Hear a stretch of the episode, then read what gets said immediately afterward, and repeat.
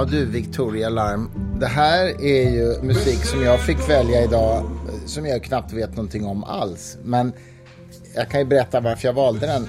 Min gamla vän sedan tonåren, Magnus Levin, som har bott i Västindien i hela vårt vuxna liv och i stor del fortfarande gör det fast han bor lite överallt.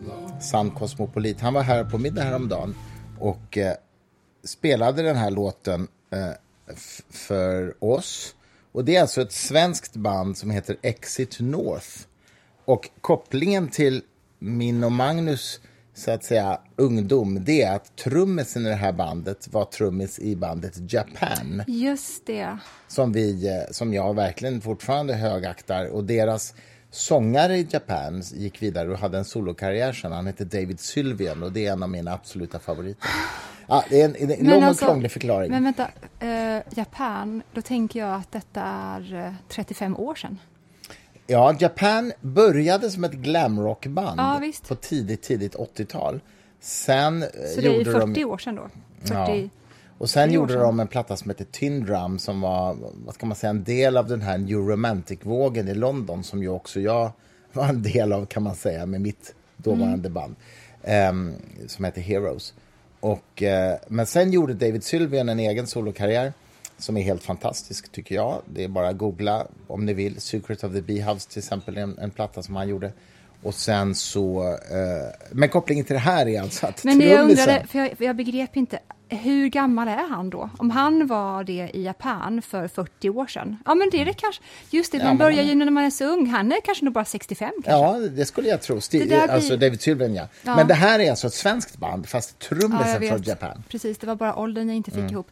Det där laggar för mig att man kunde vara en fullskalig vuxen på tidigt 80-tal och fortfarande inte vara Mick Jagger idag, om du förstår. För det är skillnad, det är skillnad på ålder och ålder. Oj, oj, oj, jag vet inte hur jag ska kommentera detta. Men, uh... Nej, men vadå? Jag tycker verkligen att det är som med alla människor, att man ser, man ser på alla när någon går från vuxen till gammal. Begriper du vad jag menar då? När man ja. träffar en del människor Eh, då tänker man jävlar, den är inte vuxen längre. Nu är den jättegammal bara.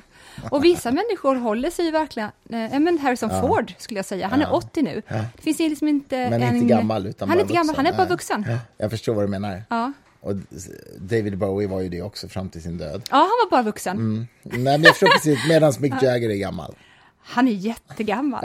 Jag vet inte. Ja, är det möjligt att de har gjort en mumifiering på honom fast han är vid liv fortfarande? Går det? Att de bara sugit ut alla inre organ? Nej, men så att gud, de inte... Han blev pappa nyss. En annan som blev pappa nyss, jag blir alltid så uppspelt av sånt här. Det är ju Robert De Niro, han är ju 79.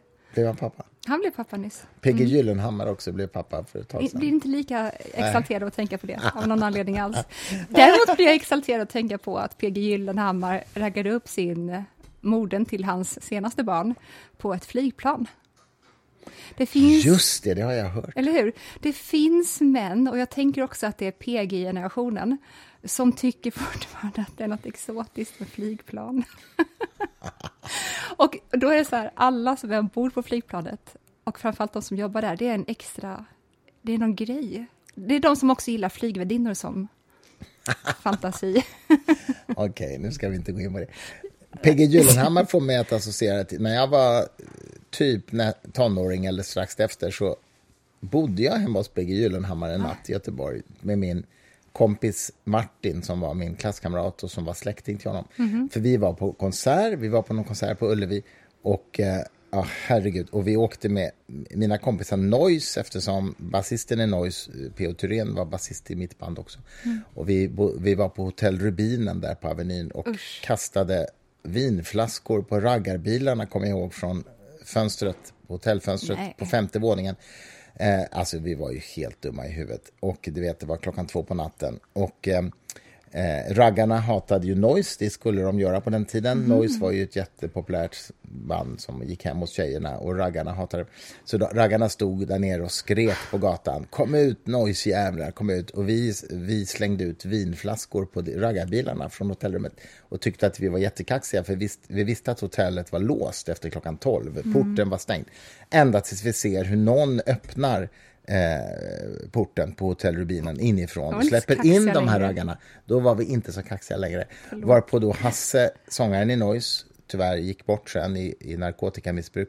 Han kommer på den briljanta idén att han har köpt någon slags tårgasspray eh, illegalt som va vapen. Så han kommer på den briljanta idén att vi ska spruta tårgas i, liksom i hotellkorridorerna för att stoppa de här raggarna från att komma och slå ihjäl oss.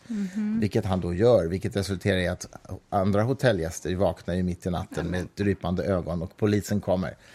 Och jag och min kompis lyckas dra därifrån och hem till PG Gyllenhammar för att de var som Oj. sagt släktingar. Vilken jävla vurpa hem till PG Gyllenhammar. Vad kul om ni kom hem och bara så här tårgasade ner honom också för säkerhets skull. Det här är en del av mina tonårssynder som jag ska skriva om i mina 42 då. memoarer någon gång. Så, någon gång. Jag vill stanna, varför eh, var det bara så att raggarna hatade Noise för att Noise var populära hos tjejerna? Var det så infantilt? Det, jag har ingen aning. Det var, det var ju ett slags kulturkrig på den Slaget tiden. om tjejerna liksom? Ja, men det var ett kulturkrig på den tiden mellan Gyllene Tider och Noise. De två var de mest populära Jaha, banden. var det? Ja. Och eh, man skulle liksom, som vanlig tonåring skulle man hålla på ett av, en av dem. Gud. Och det, jag kommer så väl ihåg det eftersom Allt är så jag, efterblivet. jag hängde med Noise då jättemycket eftersom som så här, vi delade på, på samma basist. P.O. som fortfarande är en god vän till mig. Eh, han är ju den enda i det där gänget som har liksom kommit ut med hälsan och sinnet- Själen i behåll. Själen i behåll faktiskt. Eh, och är en mycket bra person på alla sätt. Men i alla fall, så jag minns det där väldigt väl. Alltså, det där var en del av min tonår verkligen, min tonårstid. Jag förstår inte de som tycker att tonåren eller ungdomen är en härlig tid. Till och med när jag var ung förstod jag att det här är genant nu. Allt det här är Att vara genant. tonåring, Ja, och vara ung överlag. Och att, genant. ja, men det, men det här som vi håller på med just nu, eh, allt med oss är genant. Det är verkligen så det är. Och eh, de här människorna som var ihop med andra. Och, och, och, jag såg ju på dem och tänkte, men fattar inte ni att det här kommer ta slut om några månader? Varför tror ni att ni ska vara ihop hela livet? Det kommer det inte vara. Sen var det tyvärr då landet, så att de är väl förmodligen det fortfarande. Ja. ja, herregud. Ja, det där är för roligt alltså. Jag tror att det där... Jag, jag kan se hur jag... Jag har alltid haft metaperspektivet ända sedan jag var liten. Och det har ju också säkert hindrat mig jättemycket. Jag har aldrig känt mig förrän i vuxen ålder. Eh, bara en kort tid innan, innan vi träffades så började jag bli fri från en form av eh, självobservation som pågick jämt. Att man ser sig själv utifrån alldeles för mycket. Och det gör då att man kan inte vara lika... ehm, Ja, jag, jag, jag kan inte uttrycka det bättre. Min hjärna är lite mosig efter idag. Du har ju just varit och spelat in Idébyrån. Vi ska säga det, vi spelade ju in det här lite tidigare den här veckan. Onsdag eh, eftermiddag spelade vi in det här. Och ikväll sänds då Idébyrån om lycka. Fast det är ju flera dagar. Det kom ut på söndag här. Nej? Den Ja, ja, du menar podden, ja. Ja, så det är... Ja, just det. Vi spelade in för, tidigare den här veckan, precis. Eh, vi spelade in på onsdagen och du har just precis spelat in Idébyrån som sänds ikväll på onsdag. Och ehm, eh, om lycka Ja. med Bengt Brylde och vem var det mer? Eh, Det är jättehemskt att jag inte minns vad han heter nu, men det är inte för att han var en, Dryckert. en blek person för mig, utan det är bara för att jag är... Christian? Ja, precis. Jag kan lägga ut... Ja, det spelar väl ingen. Får du kolla på det? Ja. Skitsamma! Det spelar absolut ingen roll. Ja. Men eh, det är i alla fall, ni spelade in ganska mycket material om jag förstått saken rätt som kommer att klippas Det ner är då ofta ett till- jättebra tecken, eller hur? Att man spelar in. Vi har supermycket bandtid. Man bara, aha, okej. Så vi får Medan- väl se vad de klipper ihop av det när, här. när du valsade ut från idébyrån, du bara, ja, de drog över en och en halv minut. Behöver inte ändra någonting. Jaha. För att det är de så här iviga vänster som sitter där, som du var mig. Ni var de här robotarna. Robotar. Och nu kommer humanisterna och bara tar plats och bara äh, räker ur allt, sig. allt på rätt plats från början. Ja, Ja. Nej, så är det inte. Apropå robotar så måste vi bara säga det att vi eh, igår hade ju då eh, jag ett stort event på Cirkus med David Chalmers, medvetandefilosofen, som vi hade på middag hemma hos oss i söndags. Och det var faktiskt väldigt roligt med, med ett gäng roliga människor, Anders Hansen och Torbjörn Elensky och några andra var med. Och, eh, Torbjörn Elensky som är vår hus... Eh, vårt husdjur. så fort vi ska ha någon av dina författarvänner eller, eller kollegor från andra länder, alltså intellektuella giganter som kommer, då är det alltid Elensky kommer också. He's the go-to go är, piece. han är den bästa intellektuella som finns Som i Sverige Sverige idag. Ja, men jag tycker Ja, verkligen ja, det. jag håller med. Han kan allt om allt och han är vitter och han är fyndig och koncis. Har ni inte läst Torbjörn så gör det. Nej, men jag håller verkligen med. Mm. Han skriver ju dessutom ganska långa texter på Facebook ofta som är kloka och Och bra understreckade alltid i svenskan. Men det var så kul. David Chalmers och jag är i stort sett jämnåriga. Han är två år yngre. Och det visade sig ju att vi har ju en otroligt gemensam historia i det att vi båda som tonåringar läste Douglas Hofstadters bok Gödel Bach och blev helt eh, mesmerized av den.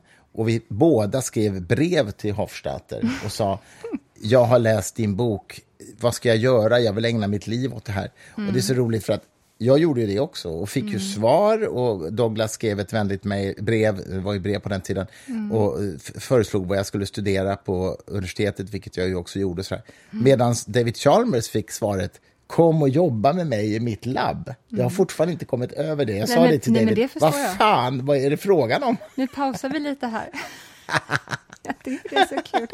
För det har alltid varit en sån här jättekul. gyllene berättelse som du har haft om hur du skrev till din, Ja. den, den äldre vise mannen, Ja. mentorn, Ja. när du var ung. Och sen så gjorde ni en bok upp. Vad du inte visste var att andra skrev till honom också och blev erbjudna arbetsplatser. Jag vet, jag orkar inte. David Chalmers doktorerade för Douglas och jobbade i hans labb i fem år, typ. Ja, Innan han sen då blev professor i medvetandefilosofi. Var det och, att du nämnde Noise i det mejlet, brevet skickade? Kan det varit det som P.O. Thyrén? Att du hade han som intellektuell referens? Jag tror inte det. Nej, det gjorde jag inte. Men nej, jag har kvar brevet och, och hans svar också har jag kvar, så vi kan ju kolla sen.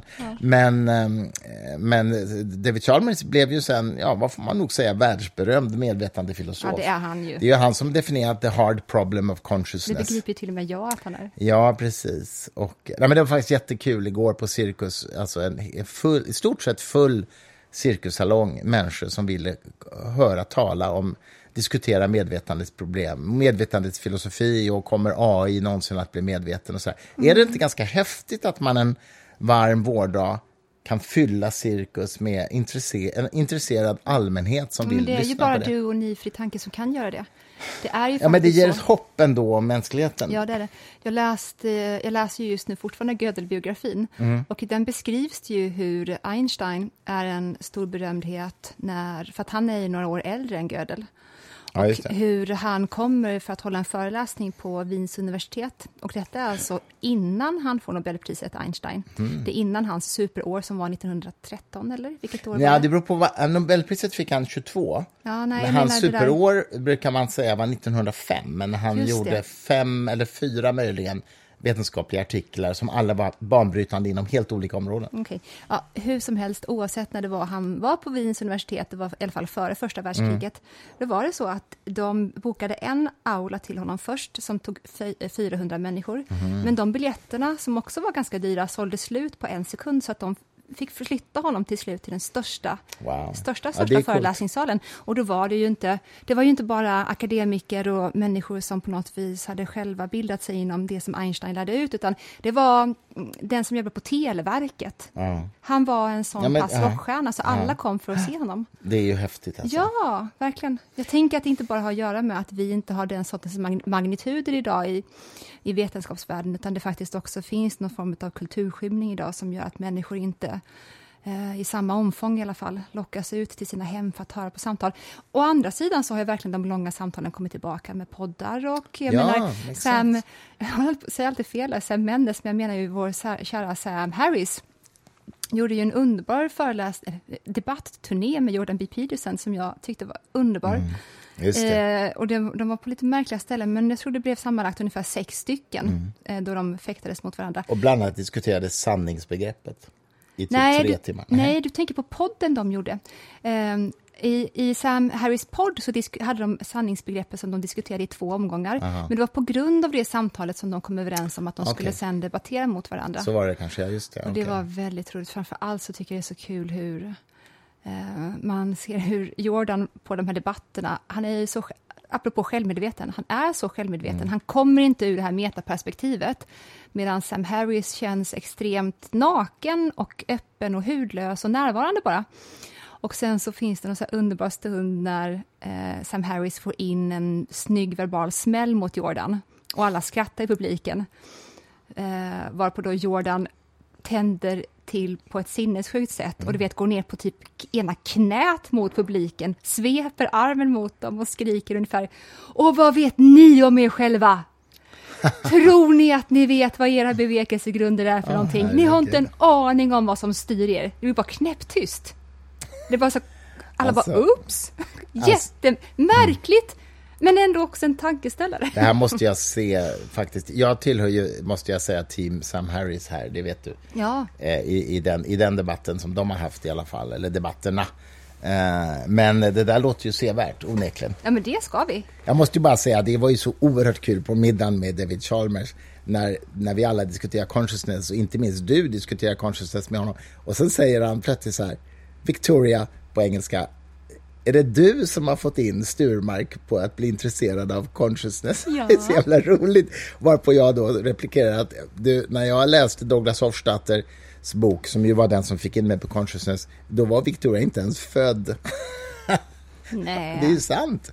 Men, eh, så ska jag också börja säga till dig om andra människor. Jag ska erkänna att du ändå har eh, fått, fått upp eh, consciousness på min agenda nu, idag, det har du ju definitivt gjort. Med, gen, ja, men genom att tillföra massa, massa ny kunskap för mig om eh, Vedanta och allt det här, liksom den, den debatten. Men så det är klart att du har ju stimulerat mitt intresse för det här nu. Mm. Men, eh, men som sagt, du var inte ens född när jag först började intressera mig för consciousness. Så ska jag börja säga så fort jag anar att äh, människor tänker så om dig, för att eftersom du är äldre än vad jag är mm. och man, då tror jag väldigt ofta att folk tänker, ah, när har Christer fått in henne på den där, det där spåret? Ja. Då ska jag säga, du, jag läste om det där spåret innan Christer var född. Ja, det är lite svårt för dig att säga det. Ja, det kan, ja och då säger jag, ja, det är det. Och sen så bara stirrar man jättemärkligt tills den backar. Och sen ställer inga mer frågor. Ja, det är bra. Det är utmärkt. Jag håller på och läser Elon Musks biografi nu som vi ska ge ut 12 september. Det är ju numera offentligt.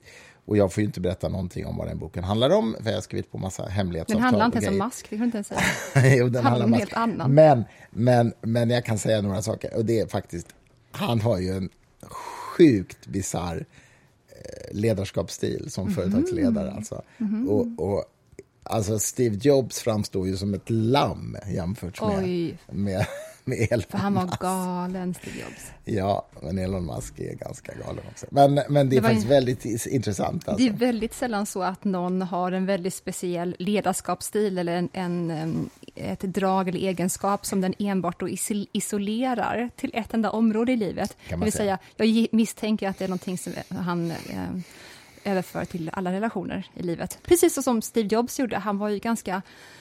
Och vilket jag tror har att göra med att han faktiskt var väldigt eh, autistisk, Steve Jobs. Steve Jobs, ja. Eh, det är ju Musk också. Han är ju på Asperger-spektrat i alla ja, fall. precis. Därför att en av de sakerna som man ofta får problem med som autist, det är att man säger rakt ut det man tänker. Mm. Och eh, framför allt om sånt som har med kanske andra människors hygien och så att göra. Mm. Eh, barn, eh, det där tränar, ju, tränar man bort från barn, för barn har ju ofta den egenskapen direkt, att den säger vad konstigt den luktar eller sådär. Mm. Men de barnen som fortsätter att säga de sakerna, fast man har lärt sig då att det där är någonting man ska skämmas för mm. nu när man har sagt, eh, det är ju ett tecken på det. Att, mm. Eh, och Steve Jobs, även när han på sin dödsbädd då låg, och han tog emot den här äldsta dottern som han väldigt långt sent i livet erkände att han var far till. Mm. Har han flera? Han har flera barn, han har typ fyra barn.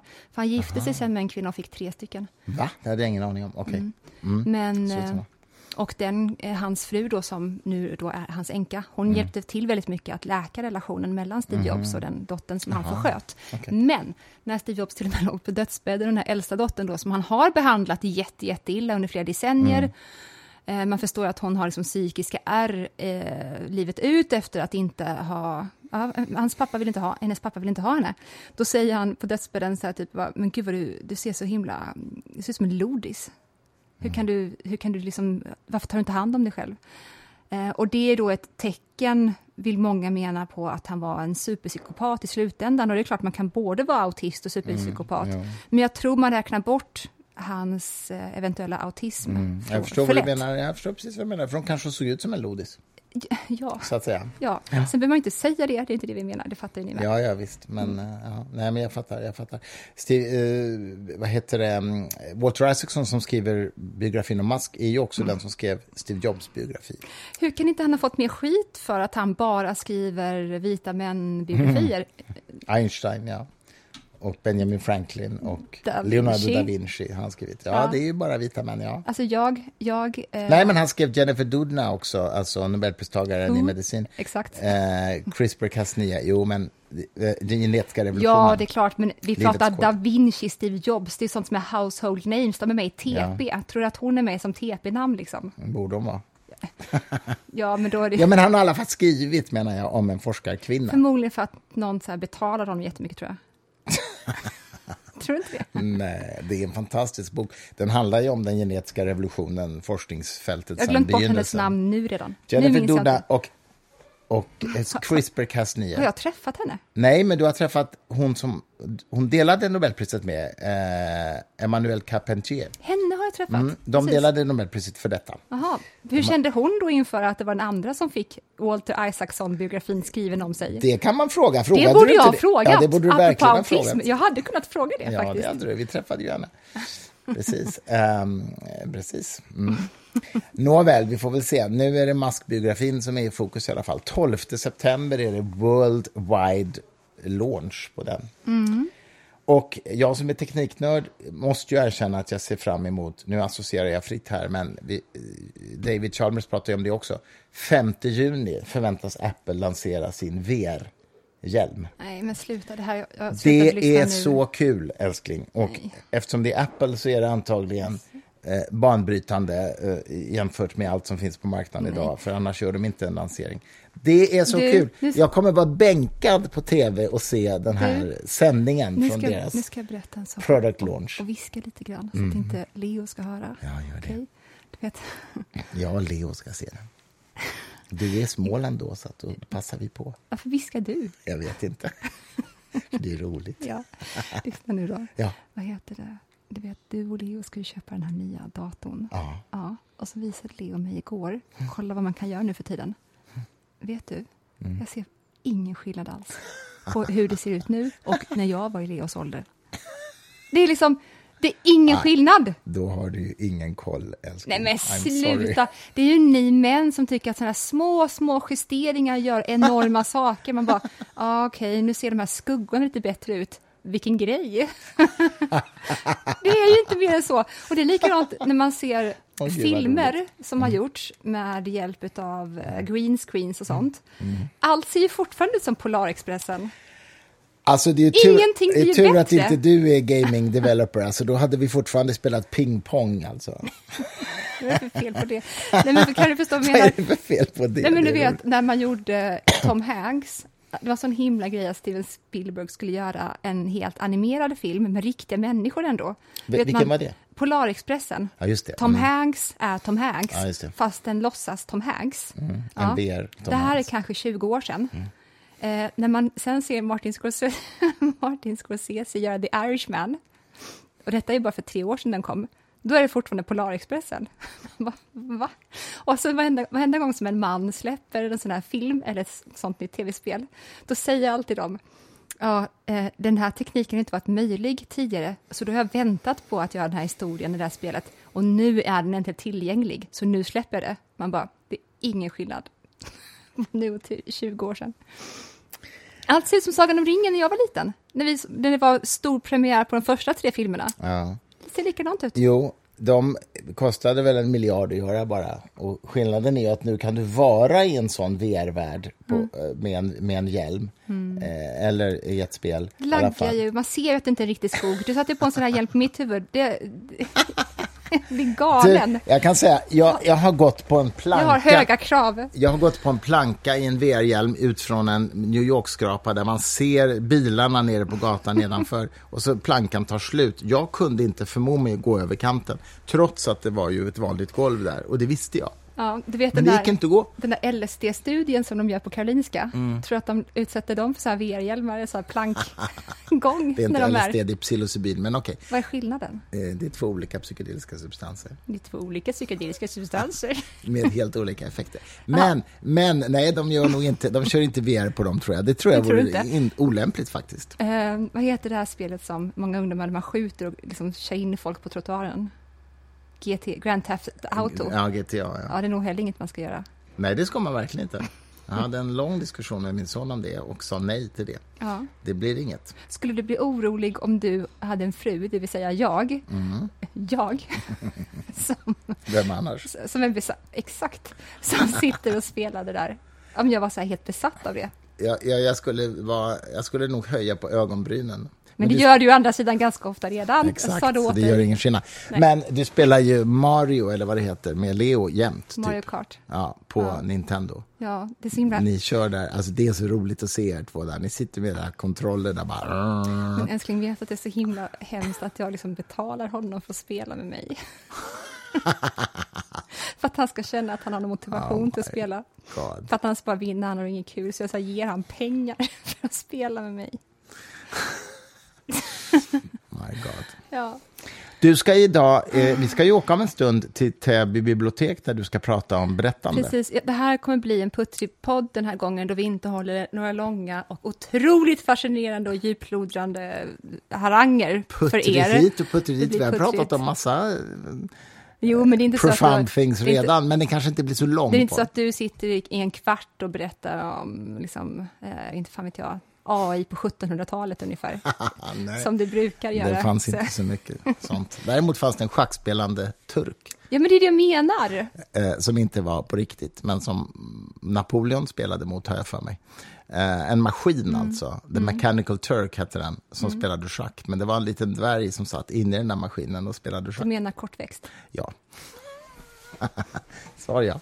Ja, nej, men det, Apropå Napoleon. Eh, ja, och apropå AI och allt det där. Eh, Mm. nej, alltså vi någon gång ska vi göra en podd där vi faktiskt djupdyker i AI-frågan. För att nu har jag, vi hållit på med det flera dagar faktiskt nu, Mm. med David Chalmers och, och andra. Ehm, men det blir inte den här podden. Nej, det blir inte. Och jag vill då locka er med att säga att det kommer inte bli så trå- tråkigt som ni tror, för jag kommer ge er en idéhistorisk inramning till det som händer nu idag. Och du kan då stå för framtiden i så fall. Ja, Jag kan berätta om en Gollum, den judiska idén om att man får någonting externt att leva, något oorganiskt att börja leva, och hur det har gått igen i alla tider som en sån fixering människan har haft. Och nu är vi i mål, nu finns det, med andra ord.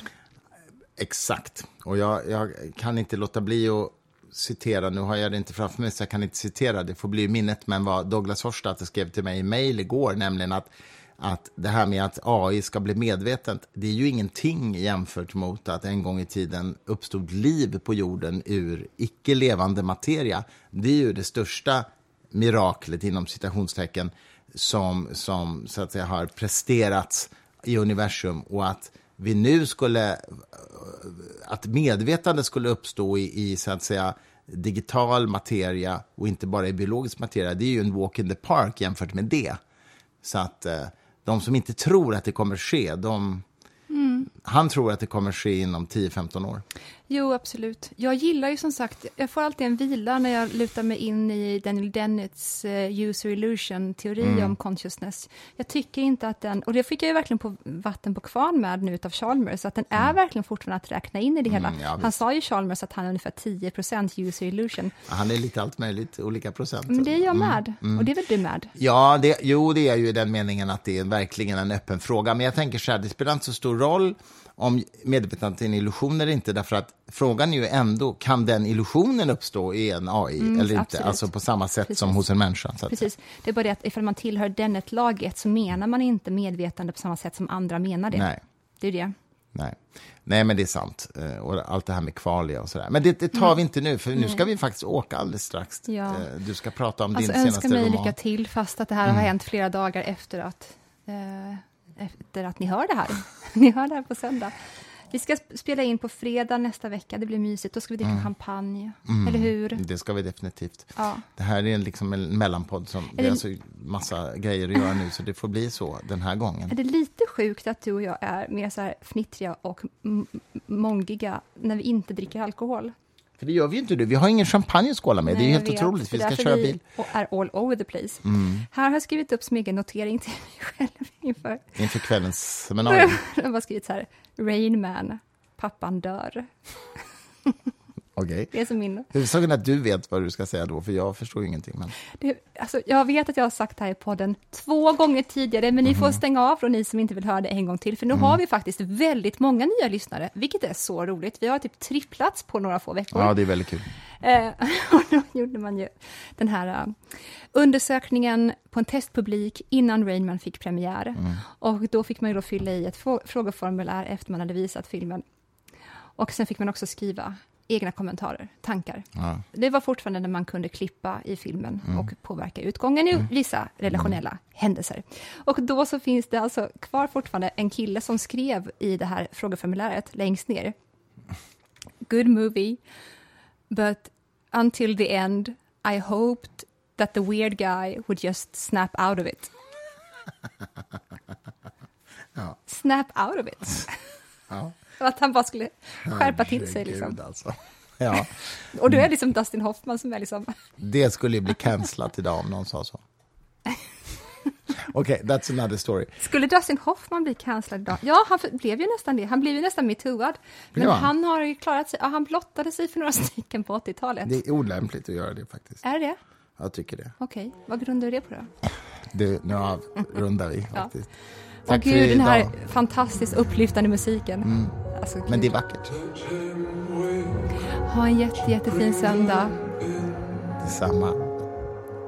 Eller, ja, jag håller med jag. Detsamma borde man säga till mig? dig. Ja, eh, jag håller med. Ha en fin Tack söndag, snälla älskling kära för att du önskar mig en fin söndag när det är onsdag också. Detsamma. Puss och kram. Hej Puss då. och kram.